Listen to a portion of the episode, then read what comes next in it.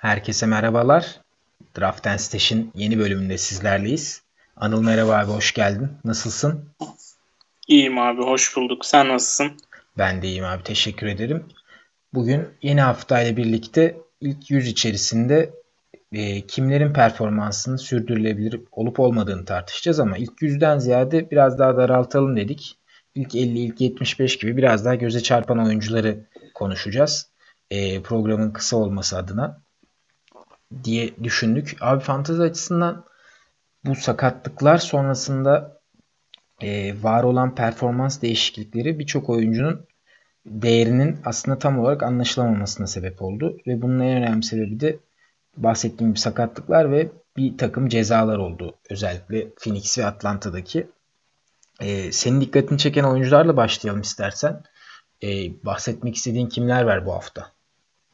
Abi yukarıdan aşağı doğru gidelim istersen bu listeden. Ee, Doncic ligi adeta ateşe verdi. Ee, önce istersen Doncic'in bu şekilde devam edip etmeyeceğinden bir başlayalım. Ee, aslında ben bu konuda yani Doncic konusunda sezon başından beri soru işaretleri olduğu için aklımda e, benim yorumlarım çok güvenilir olmayabilir bu noktada. Çünkü Doncic hem gen, geçen seneyi sağ içi isabeti ve serbest satışta kötü geçirerek geldi. Hem de e, preseason'daki maçlarda da %72, %42 gibi bir e, isabet oranı vardı serbest satış ve sağ içi. E, o noktada ben yine bir gerileme bekliyorum ama Doncic o kadar iyi oynuyor ki yani bunu güvenerek söylemek e, çok hani birazcık rating için yorum yapıyormuş gibi bir hal alacak yani o yüzden e, bunu demeye dilim varmıyor ama be, ufak bir bekliyorum diyeyim birazcık bir düşüş bekliyorum diyeyim ama e, ilk 10 ilk 15 içerisinde kesinlikle kalacak gibi gözüküyor. Abi ben en ufak bir şüphe duymuyorum Doncic adına. Hani yüzdelerinde ufak düşüşler olsa da oynadığı oyun özellikle e, blok dışında her kategoriye çok iyi katkı vermesi muazzam bir fantazi oyuncusu yapıyor onu. Çok aslında üstüne düşecek bir nokta yok bana kalırsa. Benim dikkatimi çeken ilginç bir isim var. Jonathan Isaac. Son haftalarda e, sadece 13 sayı atarak bu listenin ilk 10 ilk 12'sinde yani bir ilk tur seçimi şeyinin noktasında şu an. Sence Isaac'in e, takas değeri ne? Yani şu açıdan soruyorum. Isaac'e karşılık bence değerlendirmesi çok zor olan oyunculardan birisi takas değeri açısından. Çünkü verdiği şeyler katkısı çok ciddi ve artı hemen hemen özellikle savunma istatistiklerinde yaklaşık 2.8 blok 1.5 steal'ı var. Üstüne bir de 1.5 üçlük atıyor neredeyse. Bunların hepsini bir arada düşününce gerçekten eşsiz bir e, birliktelik bu. Ama takas değeri noktasında mesela sen Jonathan Isaac'i bir noktada Joel Embiid karşılığında vermek ister misin veya almak ister misin? Bunu sormak istiyorum. Yani bence Isaac noktasında şöyle bir durum var. Sürdürülebilir olsa da bu şeyi Isaac'in değerini e, takasla ne alabileceğimizi ne de satarken alabileceğimizi düşünüyorum ben. Ya değer açısından bakıyorsak e, hani ilk turun içinde gözüküyor şu an sıralamalarda derken yani evet değer açısından böyle ama bu Isaac de şu an bir blok specialisti gibi çok iyi bir blok specialisti gibi gözüküyor. Geçen yılki Mitchell Robinson gibi. Şöyle bir nokta var. Hani tartışıyorduk ya sene başına Mitchell Robinson ilk 20'den ilk 25'ten seçer misiniz diye. Yani Isaac'te de biraz oraya geliyor durum. Çünkü abi özellikle 9 kategori ligli için söylüyorum. E, 9 tane kategoride yarışıyorsun. Yani Isaac sana blok kategorisini kazandırıyor ama diğer kategorilerdeki katkısı steal dışında hani sana o kategoriyi kazandıracak değil ya da ortalama katkılar oluyor genellikle. İşte mesela sayıda 13 sayı atıyor olması gibi. Yaklaşık işte 1.3 üçlük atıyor. 1.5 üçlük onun ortalama olduğunu biliyoruz. E, rebound'da da 7.5 yani ortalamanın biraz üstünde rebound yapıyor. Hani tek bir kategoriyi kazandırmak yerine 2-3 kategoride sana kazandırabilecek katkıları veren bir Embiid, atıyorum bir Bradley Beal, bir Trey Young gibi oyuncular e, bence Isaac'in takas değerinin üzerinde. Çünkü hani tamam Isaac blok kategorisinde inanılmaz bir katkı veriyor ama dediğim gibi diğer kategorilerde katkısı orta, ortalama. Değer olarak ben birinci turun altıdır falan demek istemiyorum Isaac. Yani verdiği katkı olarak ama Takas değeri ee, birinci turun altıdır ama yani birinci tur oyuncusu Isaac'i karşı alabilir miyiz? Ben pek sanmıyorum. Ben de pek zannetmiyorum. Yani hani dediğim gibi Trey Young üçlük asist ve sayıda. Bradley Beal aynı şekilde üçlükte sayıda asiste çok daha iyi, çok daha kategori kazandırabilecek katkılar veriyor. Yani Isaac blok kategorisini size kazandırıyor ama bu saydığım diğer oyuncular atıyorum bu üç kategoriden ikisinde sizi iyi noktaya getiriyor ya da üçünü de birden iyi noktaya getiriyor. Artık kazanıp kazanmamak o haftalık küçük farklara bakıyor ama e, bu oyuncuları tercih ederdim ben. Young gibi, Bradley Beal gibi, Embiid gibi oyuncuları tercih ederdim. Abi istersen buradan diğer oyunculara geçelim Isaac'i konuştuğumuz için. Ee, senin dikkatini çeken bir oyuncu var mı yoksa Ingram ve Fanfleet'ten bahsedelim biraz? Ben Fanfleet'in değerinin artmasının en önemli sebebini Lavre ve Ibaka'nın yokluğu olarak görüyorum. Ee, bunun da sezon içerisinde biraz daha gerilere gitmesini çok olası görüyorum Fanfleet'in. Sen ne düşünüyorsun? Abi yani Lavre döndüğünde birazcık geriye gidecektir ama Toronto e, as oyuncularını bu kadar yüksek dakikalar oynatacaksa eğer ki Van Vliet şu an 37,5 dakika oynuyor. Lowry de 36 dakika oynuyordu. Yani bu dakikalarda bu oyuncular yani şu an Vliet 17. gözüküyor ama yani 40'ları 50'lerdeki değerlerini korurlar gibi görünüyor. Yani Lowry dönse bile Van Vliet'ten 1-2 sayı, 1-2 asist çalacaktır. Belki top çalma rakamları Van Vliet'in geriye düşecektir ama yani geçen yıla baktığımızda 0.8-0.9 görüyorduk ama bir önceki yılda daha iyiydi Van Vliet steal rate'te. Ee, o açıdan e, Van Vliet'in de ben bu çizgisini yani bir sayı düşük, bir asist düşük şeklinde koruyabileceğini düşünüyorum. Abi ben biraz dakikaların azalması ve yorgunluğun e, etki yaratacağını düşündüğüm için sürdürmesini birazcık daha düşük görüyorum. E, yani ya 17. Yorgunluk... sırada görünüyor şu an. Yorgunluktan kastım dakikaların artışı. Hani sezon içerisinde her maç oynandıkça 37-38 dakika oynayan birisinin yorgunluğun artacağını varsaydığımdan diyorum ama e, Evet evet o büyük bir şüphe bence de. Yani bu şekilde devam et. Yani Toronto'yu ilk defa ben böyle görüyorum. Yani biraz mecburiyetten dolayı tabii ki oluyor ama bunu sezonun kalan kısmına yansıtmaları post season'da yani e, playoff noktasında onların başına artacaktır diye düşünüyorum. Evet öyle gözüküyor. Yani devam etmeyebilirler ya. Belki şu an galibiyetleri alıp sezonun bir noktasında rotasyonu genişletebilirler bilmiyorum. Ama dakikalar bu noktada kalırsa katkılar da bu noktada kalabilir. Evet, evet. Peki sakatlık sebebiyle bir diğer e, ilginç oyuncu Ingram hakkındaki düşüncen ne abi? Sence Ingram kariyer sezonu yaşıyor. Bunda hemfikiriz ve bunu bu kariyer sezonu olarak devam edecek ama e, sakatlıklar sebebiyle mi şu an mesela 16. sırada fantazi açısından. Abi bu sene başında konuşurken Ingram'ı çok iyi hatırlıyorum. Şöyle bir şey demiştim.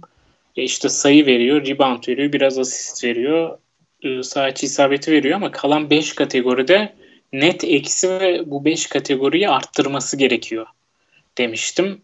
FTS'ini 68'lerden 82'lere çıkarttı. E, üçlüğünü bir üçlük bile bulmuyordu. Maç başı 2.4'e çıkardı. Top çalması çok benzer. 0.6-0.7 idi şu an 0.8. E, bloğunu da 0.6-0.7'lerden 1.1'e çıkardı. Yani hani ben bunlardan bir tanesini yapsa bile çok yani çok iyi değil de ilk yüz içerisine girebileceğini düşünüyorum Ingram'ın. 3-4 tanesini birlikte yapınca 16. E, sıraya çıktı. Hiç beklemiyordum. Hiç umudum olmayan bir noktaydı bu Ingram'ın oyununun fantaziye yansıması ile ilgili ama e, şu an her şey iyi gidiyor. Zion döndüğünde de yani ufak tefek değişimler olacaktır ama e, bu kadar iyi oynayan bir Ingram'ın elinden de sorumluluğu almayacaktır bence New Orleans. Ben de Ingram konusunda bunun sürdürülmesini aslında daha olası görüyorum. En azından 16. sıra olmasa bile ilk 30 içerisinde bir katkı görebileceğinizi düşünüyorum. Çünkü e, Ingram'ın herhangi bir şekilde yavaşlamasının veya e, değerinin azalmasının önünde bir engel görmüyorum. Zion dönse de veya Lonzo döndü hani sağlıklı döndü, Hart döndü, Favors döndü. Bu gibi durumlarda da Ingram'ın kullanacağı topların ciddi bir değişim göstereceğini sanmıyorum ben. Hele de Ingram'ın bu sene e, kontrat sezonunda olduğunu da düşünürsek aslında önünde iyi bir fırsat var fantezi açısından değerli bir oyuncu olmak için. E, ilk 20 maç zaten bunu kanıtladı. Umarım sezonun geri kalanında devam eder. Ben birazcık tereddütlüydüm draft yaparken Ingram konusunda. Seninle aynı düşüncedeydim. Yani çok ortalama katkılar veriyor 3-4 kategoride. Diğer 5 kategoride yok gibi. Bu nedenle birazcık geri kalmıştım ama şu an e, 7 kategoride artı yazıyor Brandon Ingram. Bu ciddi bir değişim ve geçtiğimiz 2 sezon e, ilk 150'nin de dışında olan bir oyuncu için gerçekten akıl alır gibi değil. Şaşkınlıkla izliyorum. Yani para insana neler yaptırıyor mu diyelim ya da dördüncü yıl gelişimi mi diyelim bilmiyorum. Abi e, Siakam konusundaki düşüncelerimiz de Fanfleet'le benzer herhalde. Onun üzerine söyleyeceğim bir şey var mı? E, ben savunma istatistiklerinde biraz daha artış görebileceğimizi düşünüyorum. Ama hücumdaki e, sorumluluğu bu kadar yüksekken ben zannetmiyorum öyle bir yükseliş ama Lavre döndükten sonra bile bence hücumun ana silahı olmaya devam edeceği için Siakam çok bir düşüş beklemiyorum ya. Lavre'dir, Ibaka'dır. Siakam'a çok bir etkisi olmaz. Bu arada ben Siakam'ın dakikalarında da düşüş beklemiyorum. Yani bu dakikaları oynayabilecek noktasında bence tam kariyerinin 37, 36. Aslında evet yani e, hele de bir noktada tekrar bir belki en çok gelişme gösteren oyuncu hatta hatta e, en değerli oyuncu statüsünde sayılabilecek, o listeye girebilecek bir performans bence ortaya koyuyor. Tabii ki almasından değil ama e, birkaç adım altında Harden, Doncic, Antetokounmpo gibi isimlerin. E, bu yine beklenmedik katkı beklenmedik demeyelim ama bu derece bir sıçrama beklemiyorduk herhalde değil mi? Siyakam'da. Yani 20'lere falan çıkmasını bekliyorduk ama 25.6 sayı ortalamasıyla oynuyor. 2.5 üçlük atıyor. Ve şey ee, her şey var yani oyununda. Spot up var, işte geçen shoot var. Ne bileyim pick and roll yönlendiriyor, pick and roll'u devriliyor. Şey step back atıyor. Ya yani böyle bir gelişimi bir paket oldu. Böyle bir gelişimi hiç görmedik bence ya. Yani 2 yıl önce 8 sayı falan atıyordu Siakam. 20 dakika oynuyordu en fazla. Yani inanılmaz bir gelişim. Yani gerçekten NBA'in takip ettiği bir e, gelişim daha. Diyelim e, hemen şunu soracağım abi sana. Senin dikkatini çeken başka oyuncu var mıydı bilmiyorum ama Malcolm Brogdon benim ilgimi çekti. Onun da sebebi olası bir Oladipo dönüşü yaklaşık 15 gün içinde veya bir ay içinde en geç Oladipo'nun dönmesi bekleniyor Christmas civarında. Malcolm Brogdon'un değeri ilk 30'dan daha geriye sarkacak mı sence? Değerinin ilk 30'da olmasının en önemli sebebi şu an asisti. Ama asist dışında da her kategoride e, ortalama, ortalama üstü katkıları sahip ve elit bir servis atış yüzdesi var. %96 ile NBA birincisi olması lazım. E, senin düşüncen ne abi? Abi yani Brogdon biliyorsun sezona böyle ilk tur civarlarında başlamıştı katkı olarak. E, ufak ufak düşüşler oldu. Çünkü 10 asist falan yapıyordu o zamanlar. Şimdi 8'e gerilemiş durumda asisti. Yani Oladipo'nun dönmesi ve yavaş yavaş işte ısınmasıyla birlikte Brogdon'un da geriye doğru düşüşleri hafif hafif böyle devam edecek. İşte ondan 8'e düştü asisti.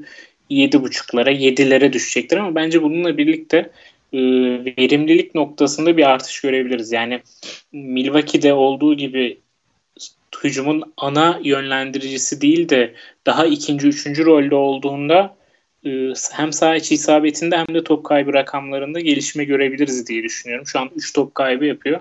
Brogdon gibi verimli bir oyuncu için çok fazla bu 3 top kaybı. Ee, %50'lerin üstünde bir saha içi isabetine geri dönüş yapabilir Brogdon. Daha düşük top kaybılarla, ikilerle. Ee, tabii buna bağlı olarak asiste dediğim gibi 7'lere düşecektir ama ilk 50 içinde kapatmaması benim için çok büyük sürpriz olur. Yani Oladipo'nun dönüşü dahil hani zor ilk 50'nin içinde kalmaması. Bir de bence e, Brogdon sahiplerine şöyle bir öneride bulunabiliriz e, Oladipo'nun dönmesi her ne kadar değerini bir noktada kötü etkilese de ufak da olsa Oladipo'nun sakatlığının e, çok böyle temiz bir sakatlık olmadığını da hesaba katarsak yani he, yine bir sakatlık potansiyeline sahip olduğunu düşünürsek bence Brogdon'un değeri e, yine benzer seviyelerde kalabilir. Özellikle de Oladipo'yu bekleyen menajerler için Brogdon iyi de bir hani onun kelepçesi olabilir, onun emniyeti olabilir diye düşünüyorum. ikisi birlikte yine zaten çok elit katkı da verecektir. Ama ikisinden birinin özellikle Oladipo'nun olası bir sakatlığında Brogdon yine senin bahsettiğin ilk 20 değerlerini 8-9 asitleri çıkabilir tekrar sezonun geri kalan kısmında diye düşünüyorum abi. Ya şöyle bir bakış açısı oluyor genelde. Hepimizde oluyor yani bu oyunu oynayan. İşte Brogdon çok iyi oynuyor. Ee, ama değeri düşük neden şey dönecek, Oladipo dönecek gibi bir bakış açısı bazen olabiliyor ama tam bunun yanlış olduğunu söylemiyorum. Biraz önce bahsettik işte Oladipo dönünce Brogdon'un değeri hafif aşağılara gelecek diye. Ama bunu çok abartıyoruz bazen. Yani Brogdon sanki bir anda ilk 25 oyuncusundan ilk 100 oyuncusuna dönüşecekmiş gibi bakabiliyoruz. Ya da ilk 75 değeri biçebiliyoruz Oladipo dönecek diye sırf. Bence o noktalar değerlendirilebilir şu an. Birincisi senin dediğin gibi e, Oladipo'yu şu an bekliyorsanız e, dönmesine yakın bir noktada Brogdon'a bir teklif yapıp hem de Oladipo'yu kelepçelemiş olabilirsiniz Brogdon'la birlikte. Ya da Oladipo'nun döneceği haberleri geldiğinde e, ilk 75'ten bir oyuncunuzu Brogdon'a karşı önerip ya da ikiye bir bir takasla Brogdon'u almak bence sezonun geri kalanı için e, kar getirecektir diye düşünüyorum. Yani iyi bir strateji olacağını düşünüyorum ben de abi. E, bu sıralarda dikkatini çeken biri var mı? Belki benim atlamış olabileceğim. Valla bu sıralarda şu an e, ben de göz gezdiriyorum da Richan Holmes'u konuşabiliriz bence. E, Richan Holmes'u konuşalım. Yine sakatlık sebebiyle ve kendi kazanması sebebiyle yani o rolü değeri artan bir oyuncu. Bagley'nin sakatlığı sonrasında Deadman'dan o formayı alıp e, kalıcı bir performansla bence iyi de bir performansla o rolü edindi kendine e, yerleştirdi 27 dakikalık o rolü. Bagley geldikten sonra bu dakikalarda düşüş görecek miyiz? Onu düşünüyorum ben. Onu e, anlamak istiyorum. Ben Holmes'un en çok sevdiğim yanı e, Bagley sakatlığını da aldığımda Holmes'un e, özellikle beklenmedik steal katkısı bence çok değerli olabiliyor. Ve maçları izlerken dikkatimi şu çekiyor abi. Holmes her zaman oyunun içinde ve her zaman aksiyonun içinde. Deadman mesela öyle değil. Bagley'i çok az izleyebildik. Bagley pek öyle değil. Yani Holmes'a Sacramento'nun bir noktada ihtiyacı olacak gibi görünüyor. Bu da bence fantezi açısından değerini onun yukarıda tutan önemli şeylerden birisi. Ha, ilk 40 değeri olur mu? Bence olmaz. İlk 75'e doğru gerilemesi daha olası. Bunun da en önemli sebebi daha az top kullanacak olması ve dakikaların 3-4 dakikada olsa az, azalması olabilir. Sen ne düşünüyorsun abi Holmes konusunda? Ya valla Bagley döndüğünde dakikaları gidecek olan bence Holmes değil Deadman olabilir yani. Hani iyice dakikaları azalabilir hatta rotasyon dışı kalabilir. Ee, yani burada 27 dakika oynuyor zaten Holmes. 25'e düşsün çok bir şey fark etmez. Hani değer açısından 50'lere 75'lere doğru bir gerileme olur ama yani şey gibi değil. Bagley dönünce Holmes bitecek gibi asla düşünmeyin bence. Eğer böyle düşünen biri varsa da bence elinden Holmes'u ilk yüz oyuncusu falan verip e, alabilirsiniz. Ben Holmes'e bayağı güveniyorum bu yıl ya. Yani o bizim sevdiğimiz top çalma bloğu birlikte yapan işte verimli uzun noktasında Holmes benim bayağı hoşuma giden bir oyuncu sezonun geri kalanı içinde. Belki şey olabilir. Bir, bir iki top daha az kullanırsa o da onun sağ içi yüzdesinden geldiği gelen değeri düşürebilir. Bu belki değerinin geri gitmesine sebep olabilir diye düşünüyorum abi. Çünkü şu an 7.5 gibi az da olsa bir sağ içi denemesi var ama %66 ile denediği için çok değerli yapıyor bu onu.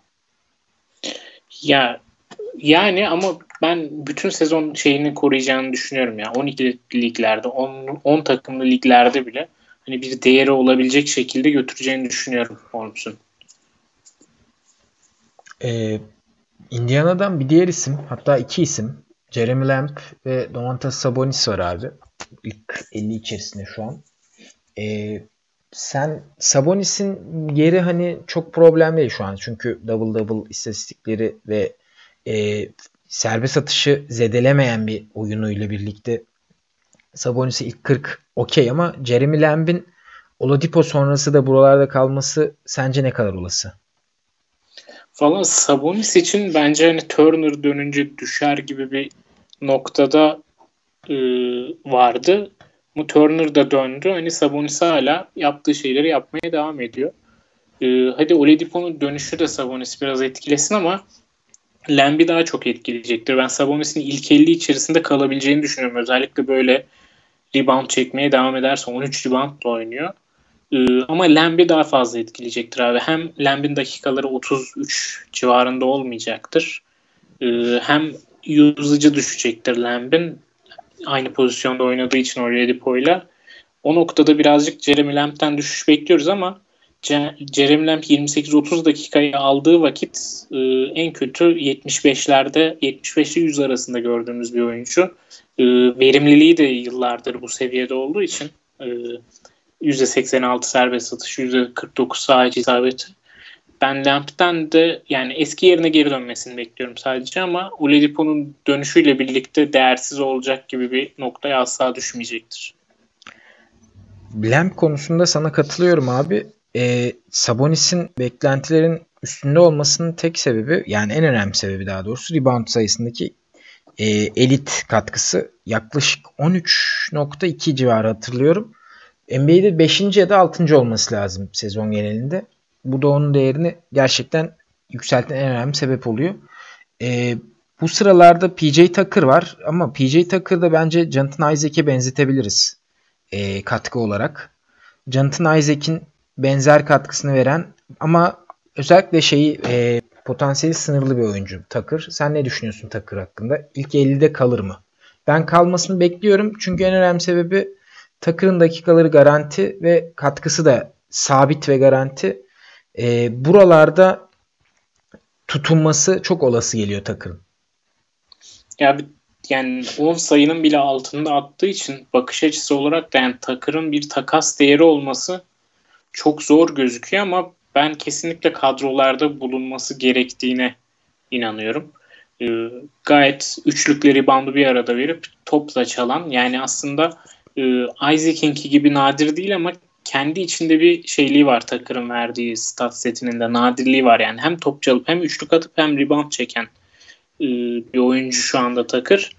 E, o açıdan hani 10 sayı attığı için kimseye kolay kolay takasta yani satamazsınız bu değerden. Ama dediğim gibi yani takaslamanıza da bence çok gerek yok Takır ya. 10. 9. oyuncunuz için 8. oyuncunuz için harika bir stat set bence Takır. Bu arada Takır demişken bence o arada unuttuğumuz bir Nikola Jokic var. Aa evet. Ben biraz daha beklentinin üstünde kalan oyunculara yönelmiştim ama beklentinin altındaki oyuncular arasında da Jokic var. Doğru söylüyorsun abi. Jokic'in beklenti altında kalmasının en önemli sebebi e, asistlerindeki düşüş mü? Asistleri ve saha içi yüzdesindeki düşüş mü abi sence? Abi her şeyindeki düşüş bence ya. Yani sayı yani rebound aynı kalmış görünüyor da sayısı, asisti, işte bloğu, sağ içisi, serbest atış her şey düşmüş durumda. Bunu ben iki şeye bağlıyorum. Birazcık daha yani dakikaları da düştü. Birazcık daha Denver e, bu yıl normal sezonu rolantide geçiriyor. Geniş rotasyonunun e, verdiği yani geniş rotasyonun etkisiyle rahat rahat yok içi de dinlendire dinlendire daha rolantide geçirebiliyorlar normal sezonu ama ben sezon ilerledikçe yok için biraz daha şey arttıracağını, vites arttıracağını düşünüyorum.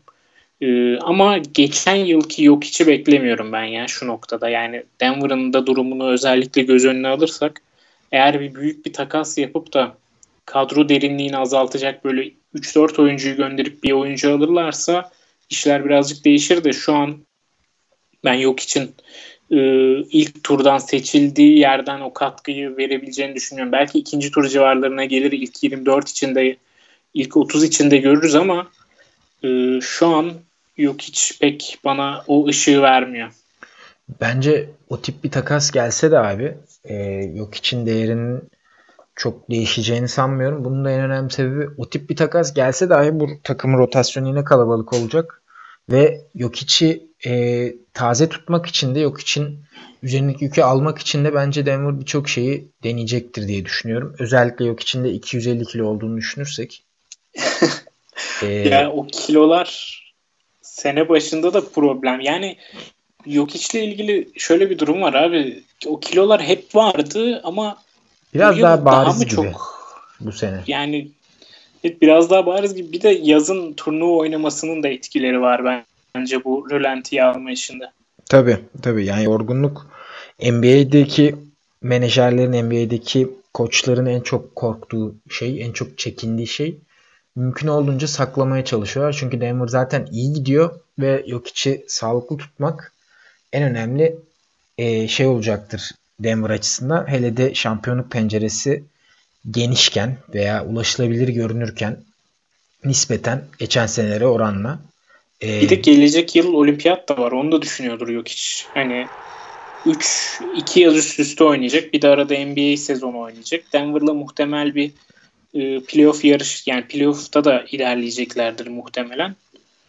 Bunları Mutlaka. üst üste koyunca mutlaka yok için e, sağlığına dikkat edilerek, gözetilerek kullanılması gerekiyor. Bu da fantazi açısından düşününce de beklentilerin biraz altında bir katkı vermesine ve bunun böyle kalmasına neden olabilir diye düşünüyorum. Burada bir diğer oyuncu daha var yine aslında ilk tur seviyelerinden, ilk 20 seviyelerinden. Rudy Gobert ve Ben Simmons abi. Ee, ben Ben Simmons'ın değerinin hep buralarda olduğunu düşünüyorum. Yani e, bunun en önemli sebebinin de zaten servis atış ve top kaybı oranlarının top kaybında çok kötü olması sebebiyle özellikle Basketball Monster bunları e, daha çok değer verdiği için ben yerlerinin Gobert ve Simmons'ın buralarda olmasını normal görüyorum. Yani e, buralarda draft edilir mi? Tabii ki hayır. Buralara kalmaz hiçbir ligde. 45-46 o civarı. Ama e, diğer oyunculara kıyasla bir sıralama yaptığınız zaman çok kötü olan servis atış yüzdeleri böyle bir problem yaratıyor Rudy Gobert ve Ben Simmons için. Ben onlar açısından e, panik yapılacak veya dert edilecek bir nokta olmadığını düşünüyorum. Ha, ben de aynı noktadayım. Sadece Gobert biraz daha fazla blok yapabilir ama zaten artmaya başladı blok evet. rakamları Gobert'in. E, rolü de sağlam. O açıdan hani Gobert'te dert edilecek şey, şey blok yapmışsa o da gelmeye başladı bence. Onun dışında zaten seçerken e, ben serbest satışı göz ardı ettiğinizi baştan bunu kabul ettiğinizi düşünüyorum. O, o açıdan Gobert geçen yıl işte daha yüksek atıyordu. Bu yıl niye 62 ile atıyor diye bir sıkıntısı olan biri olacağını zannetmiyorum. Simmons için de aynı durum geçerli. Ee, o yüzden hani Simmons ve Gobert'i yani Simmons da mesela çok az sayı atıyor. Geçen yıl 17 atıyordu. Bu yıl 13 atıyor ama Simmons'ı zaten bence sayısı için draft etmemişsinizdir ikinci turda diye düşünüyorum. O açıdan çok bir sıkıntı yaratıyorlar mı şu an? Yaratmıyorlar. Simmons'ın artı olarak iyi bir tarafı da 2.4 top çalma yapıyor olması bu yıl. Geçen evet. yıl 1.5 yapıyordu sanırım. Bu yıl çok daha yukarılara çekmiş durumda. Hırsızlığını elit seviyeye getirmiş durumda. Ben Simmons. Ee, bu sezonun kalanında da benzer şekilde devam etmeleri çok olası görünüyor. Ee, ilk 50'nin dışında hani biraz daha böyle sırayla değil de dikkatini çeken kimler var abi? Çünkü hani çok da uzatmamak adına ilk 50 75 demiştik. Şu anda yaklaşık 25-26 dakika olmuş galiba. Ya bir tek şey söyleyeceğim ben. Adebayo'nun serbest satış yüzdesi bundan yukarılara çıkabilir. Çıkarsa da bence ilk 25 içine falan girecek bu adam. Beklentilerimizin de çok üzerine çıktı Adebayo. Yani şu an bence muazzam bir oyun oynuyor. Servis satış yüzdesini düzeltmesinin olası olup olmadığını şöyle anlatabilirim abi. Geçmiş yıllarda %72, %73 ile atmıştı. Hani bu seviyeye çıkarması bile servis atışı dediğin gibi e, bir artı yazacaktır. Bir yukarı çıkaracaktır onu.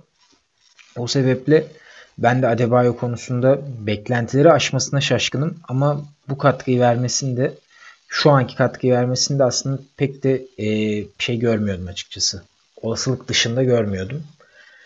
Bir diğer oyuncu herkesi şaşırtan Andrew Wiggins sence devam edecek mi abi Andrew Wiggins? Bence inanılmaz oynuyor.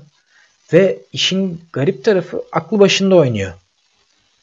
Ee, beni daha ya, çok şaşırtan nokta bu. Hani istatistiklerinden bağımsız olarak. Devam etmemesi için bence hiçbir sebep gözükmüyor şu an. Hani eski kötü alışkanlıklarını geride bırakmış durumda Wiggins. Hani sezon başında çok dalga geçilen, dalga geçin ya yani bir taraftan ölen bir taraftan dalga geçilen bir fotoğraf vardı. Minnesota antrenman sahasına asılan o şut grafiği işte hangi noktadan Expected points şutun, grafiği mi? Aynen. Expected points grafiği. Yani dalga geçiliyordu biraz ama şu an Wiggins resmen onu ezberlemiş gibi oynuyor. e, el üstü uzun mesafeli ikiliklerini bırakıp ya potaya gitmeye ya da üçlük denemeye başladı. E, o açıdan oyununa da yansımış durumda zaten. 2.3 üçlük atıyor maç başı. E, fantezi oyununa yansıdı. Bu sadece serbest atışlarını sokabilirse abi o da çok daha yukarılara gidecek ama şu an hani Wiggins'in de serbest atış problemi olduğunu bildiğimiz için Adebayo gibi değil onun durumu. E, buralarda kalabilir onun serbest atışı. Öyle bir problem var. Ama seçtiğiniz noktaya göre ilk 50 şu an çok iyi durum Wiggins için. Aslında NBA'ye geldiği ilk sezonlarda ilk 2-3 sezonda %75-76 ile attı diye hatırlıyorum Wiggins'i. Hani bu seviyeye çıkarması bile onu bence daha da yukarıya çıkaracaktır. Wiggins konusunda ben inanılmaz mutluyum. Yani e, bu kadar ciddi bir katkı beklemiyordum ama iyi bir sezon geçirmesini umuyordum. Güzel oldu Wiggins'in bu katkısı. İyi tarafı da şu. Wiggins hemen hemen her kategoriye artı katkı veren oyunculardan birisi. E, 20 şut kullanıp %46 ile atması bence olumsuzdan çok olumlu bir nokta. Çünkü bu Harden seviyesinde bir şut kullanma seviyesi demek. Çünkü Harden 24 şut kullanıp 45 ile atıyor galiba. E, hani veya Lillard Lillard 19 19 20 şut kullanıp %45 ile atıyor hani elit seviyede bir katkı veriyor. Hep hani bahsetmiştik ya e, sayı katkısı draftın gerilerinden istiyorsanız Wiggins diye. Aynı zamanda çok ciddi bir hacim katkısı da veriyor bence Wiggins e, şut hacmi olarak ve bu iyi geçen bir haftada sizin şut yüzdesini almanız için yeterli olabilecek bir katkı bana göre. Abi katılıyorum. Ee, diğer oyunculara bakalım mı yoksa gelecek haftaki bölümümüze mi? Kalsın. Bence gelecek haftaki bölüme kalsın abi. Kalan oyuncuları da e, ilk 50 dışında kalan oyuncuları da orada değerlendirelim. Hem de izleyici dinleyicilerimizi çok da sıkmamış olalım. Hızlıca önümüzdeki haftanın yani daha doğrusu içinde bulunduğumuz haftanın değerlendirmesini yapalım istersen. Abi e, oyunculardan mı bahsedelim yoksa işte 4 gece 3 maç back to back'ler falan mı? Abi nasıl istersen yani ikisine de uygun durumdayım. Sen nasıl başlarsan ben de öyle devam edeyim.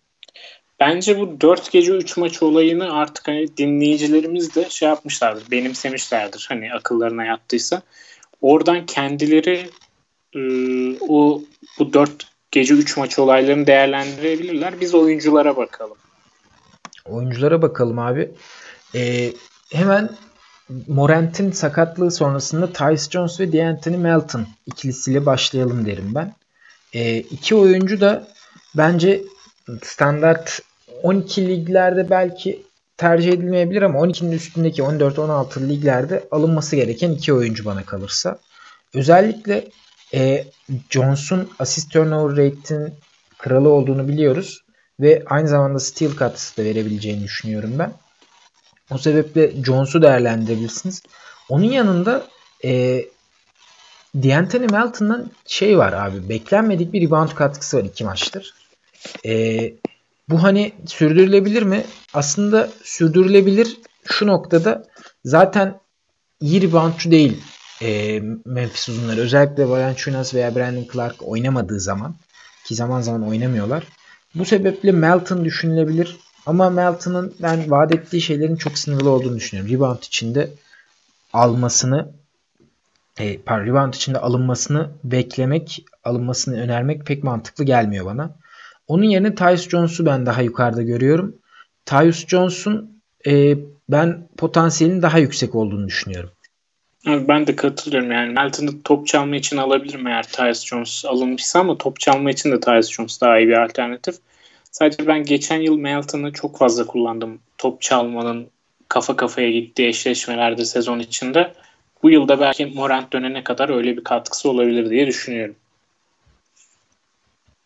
Ee, başka Jared Culver ilk 5'e geçti Aa, evet. geçtiğimiz hafta. Onu sen hatta geçer geçmez ekledin diye hatırlıyorum. Aynen ekledim. Ama şu an Justice Winslow'la değiştirdim. Hı hı. Ee, nerede gördüğümü de anlatmış olabilirim herhalde Jared Culver'ı bu hamleyle. Yani dedim ki madem sağ içi isabetim serbest satış yüzdem Jared Culver tarafından e, sabotaja uğruyor. Bari Justice Winslow tarafından uğrasın da e, Winslow birkaç şeyi daha iyi yapabiliyor ondan diye düşündüm. E, ama Calver bence eklemeye değer eğer yüzdelere çok fazla önem vermiyorsanız ya da iki yüzdeden birini göz ardı ettiğiniz bir takımınız varsa bence Calver eklemeye değer. Çünkü top çalmayı bir o üçlü bir arada yapıp işte 12 sayı, 3 rebound, 3 asist gibi e, bir katkı da verebiliyor hani temel olarak. O anlamda ilk beşlik yeri de şu an uzun dönemli olarak garanti gibi gözüküyor. Dakikaları da 25-26 civarlarında 16 ligli takımlarda eklenebilir diye 16 takımlı lig anladınız işte.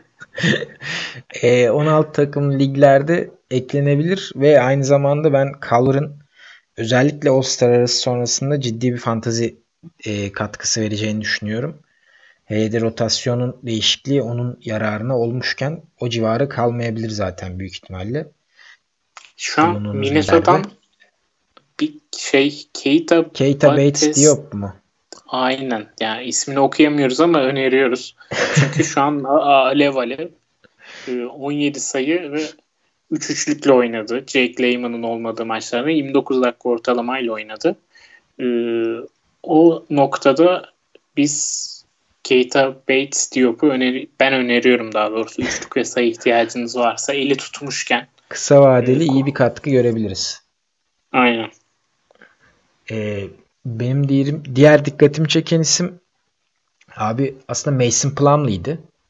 Ee, Mason Plumlee'nin dikkat çekme sebebi iyi bir yedek uzun. Yani Denver'daki rolü neyse sizde de rolü o olacak. Yani e, rosterınızın sonunda size rebound ve blok katkısı yapacak bir uzun Mason Plumlee ve fena da oynamıyor. Çünkü e, kısa sürede iyi bir katkı veriyor. Kısa sürede iyi bir katkı vermesinin en önemli sebeplerinden biri de yok için birazcık daha rölantide takılması ve Denver'ın özellikle ikinci beşinin çok ciddi şekilde rakipleri force etmesi. Çünkü bunun en, önemli sebebi Denver'ın ikinci beşinin diğer takımların ikinci beşlerine oranla daha güçlü ve daha kuvvetli olması.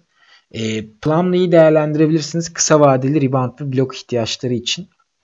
Benim dikkatimi o çekti. E, bu haftada Denver'ın 4 maçı var. E, bu nedenle iyi bir opsiyon olabilir diye düşünüyorum Plumlee. Abi benim dikkatimi çeken bir diğer isim Kelly Olynyk.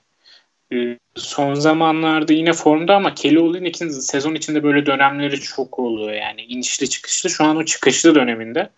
Ee, eğer yerdeyse değerlendirilebilir o çıkışlı dönemi. Son 3 maçta 15 sayıyla oynadı Olinik. Sadece 24 dakika oynamasına rağmen. Bu yıl yine Miami'de rotasyon kalabalık. Ama şu formda dönemi değerlendirilebilir diye düşünüyorum Kerli Olinik'in. Hani tek bir şeye de katkı vermiyor Olinik iyi oynadığı zaman. Bir maç 5 asist yapıyor. Bir maç 3 top çalma yapıyor. Bir maç 3 üç, e, üçlük atıyor. Yanında 2 blok yapıyor falan. Öyle bir noktada hani Olinik'i genel bir katkı anlamında değerlendirilebilir. Eli sıcakken de üçlük ve sayı açısından iyi duruyor şu an o lig. Markel Fultz bence gayet iyi bir sezon geçiriyor. Beklentilerin çok üstünde olduğunu düşünüyorum. Sen umudu kessen de ondan abi. E, Fultz eğer varsa waiver'larda bence değerlendirilebilir. Fultz'un da e, zararlı olduğu bir nokta aslında üçlük. Pek, üçlük biraz ama onun dışında pek yok gibi. Yani özellikle yüzdeler konusunda bence düzeltti yüzdelerini. Onun dışında asist ve reboundu çok sınırlı, çok e, zayıf sayılabilecek noktada ama bir zarar vermiyor. Yani 3 asist, 3.8 asist, 3 rebound gibi ortalama sayılabilecek bench bench diyorum. End of roster yani rosterınızın sonunda, kadronun sonunda değerlendirilebilecek bir oyuncu olarak görüyorum. Fultz'u hani biraz da böyle e, hikayelere inanıyorsanız çünkü NBA sever böyle hikayeleri. inanıyorsanız Fultz'u ekleyebilirsiniz. Ee, benim son olarak abi dikkatimi çeken oyuncu e, Darius Garland. Birazcık ısınmaya başladı gibi lige. Çok ham gözüküyordu benim onu izlediğim ilk 7-8 maçında. Ee, şu an biraz daha iyi yani. Özellikle o beklediğim sayı ve üçlük katkısını veriyor. Asist ve reboundda partneri Colin Sexton gibi o da hiç beğenmeyeceğimiz katkılar veriyor ama biraz biraz ısınmaya başladı gibi lige sanki. Ben ondan bu yıl çok iyi katkılar beklemiyorum ama bu iki kategori saydığım bu iki kategori için alınabilir diye düşünüyorum yerden. Valla kendisinin ne eksiği olduğunu biliyoruz. Tekrar hatırlatmayacağım. E, Garland ve Sexton ikilisinin ikisini. Bir diğer oyuncu son olarak bahsedeceğim benim de DeAndre Hunter. E, çok inişli çıkışlı bir performansı var. Güvenmek zor ama eğer iyi bir konumdaysanız bence e, stash edilebilir. Bence kadronunuzda barındırabilirsiniz. Özellikle de John Collins'in geldiği noktada katkısını gördükten sonra onunla devam edip etmeme noktasında bir karar verebilirsiniz. Ben potansiyelini iyi görüyorum e, Hunter'ın ama zaman zaman şut yüzdesinde ve servis atış yüzdesinde problemler yaşayabiliyor ve katkısı özellikle rebound katkısı veya steal katkısı sınırlı olabiliyor veya olmayabiliyor. Bu sebeple dikkat etmek gerekiyor ama ben e, umutlu olduğum isimlerden biri sezonun geri kalanında. Abi benim çok umudum yok Hunter'dan özellikle top çalma ve blok olaylarına çok girmediğini düşünürsek. Gerçi bir maçta top çalma yaptı ama evet onun zaten dışında, onun dışında kayıp. Onun dışında kayıp. Hani o bu ikisi kategoriye katkı veren oyuncuları daha çok sevdiğim için Hunter bana gelmiyor ama zaten son oyuncunuz noktasında değerlendireceğiniz bir isim. Sıcakken değerlendirilebilir gibi. Yani bu Gerçi, oyuncuların çoğu aynı bu şekilde zaten ya. Dün galiba bir sakatlık yaşadı ama e, tam detayını hatırlamıyorum. Parmağı mı çıktı? Parmağında bir zedilenme bir şey vardı ama e, onu da hani göz önünde bulundurun tabii ki. O belki onun zaman kaçırmasına, süre kaçırmasına sebep olabilir. O zaman deyip bu haftaki bölümümüzün de e, sonuna geldik sanırım. Evet sonuna geldik abi. E, bu hafta bizi dinlediğiniz için teşekkür ederiz. Haftaya kaldığımız yerden ilk 50-100 arasındaki oyunculardan bahsedip e, onların sezon genelindeki görünümlerini değerlendireceğiz. Abi teşekkür ederiz. Ağzına sağlık. Ee, biz ben teşekkür ederim abi. Teşekkürler tekrar. Hoşçakalın. Hoşçakalın.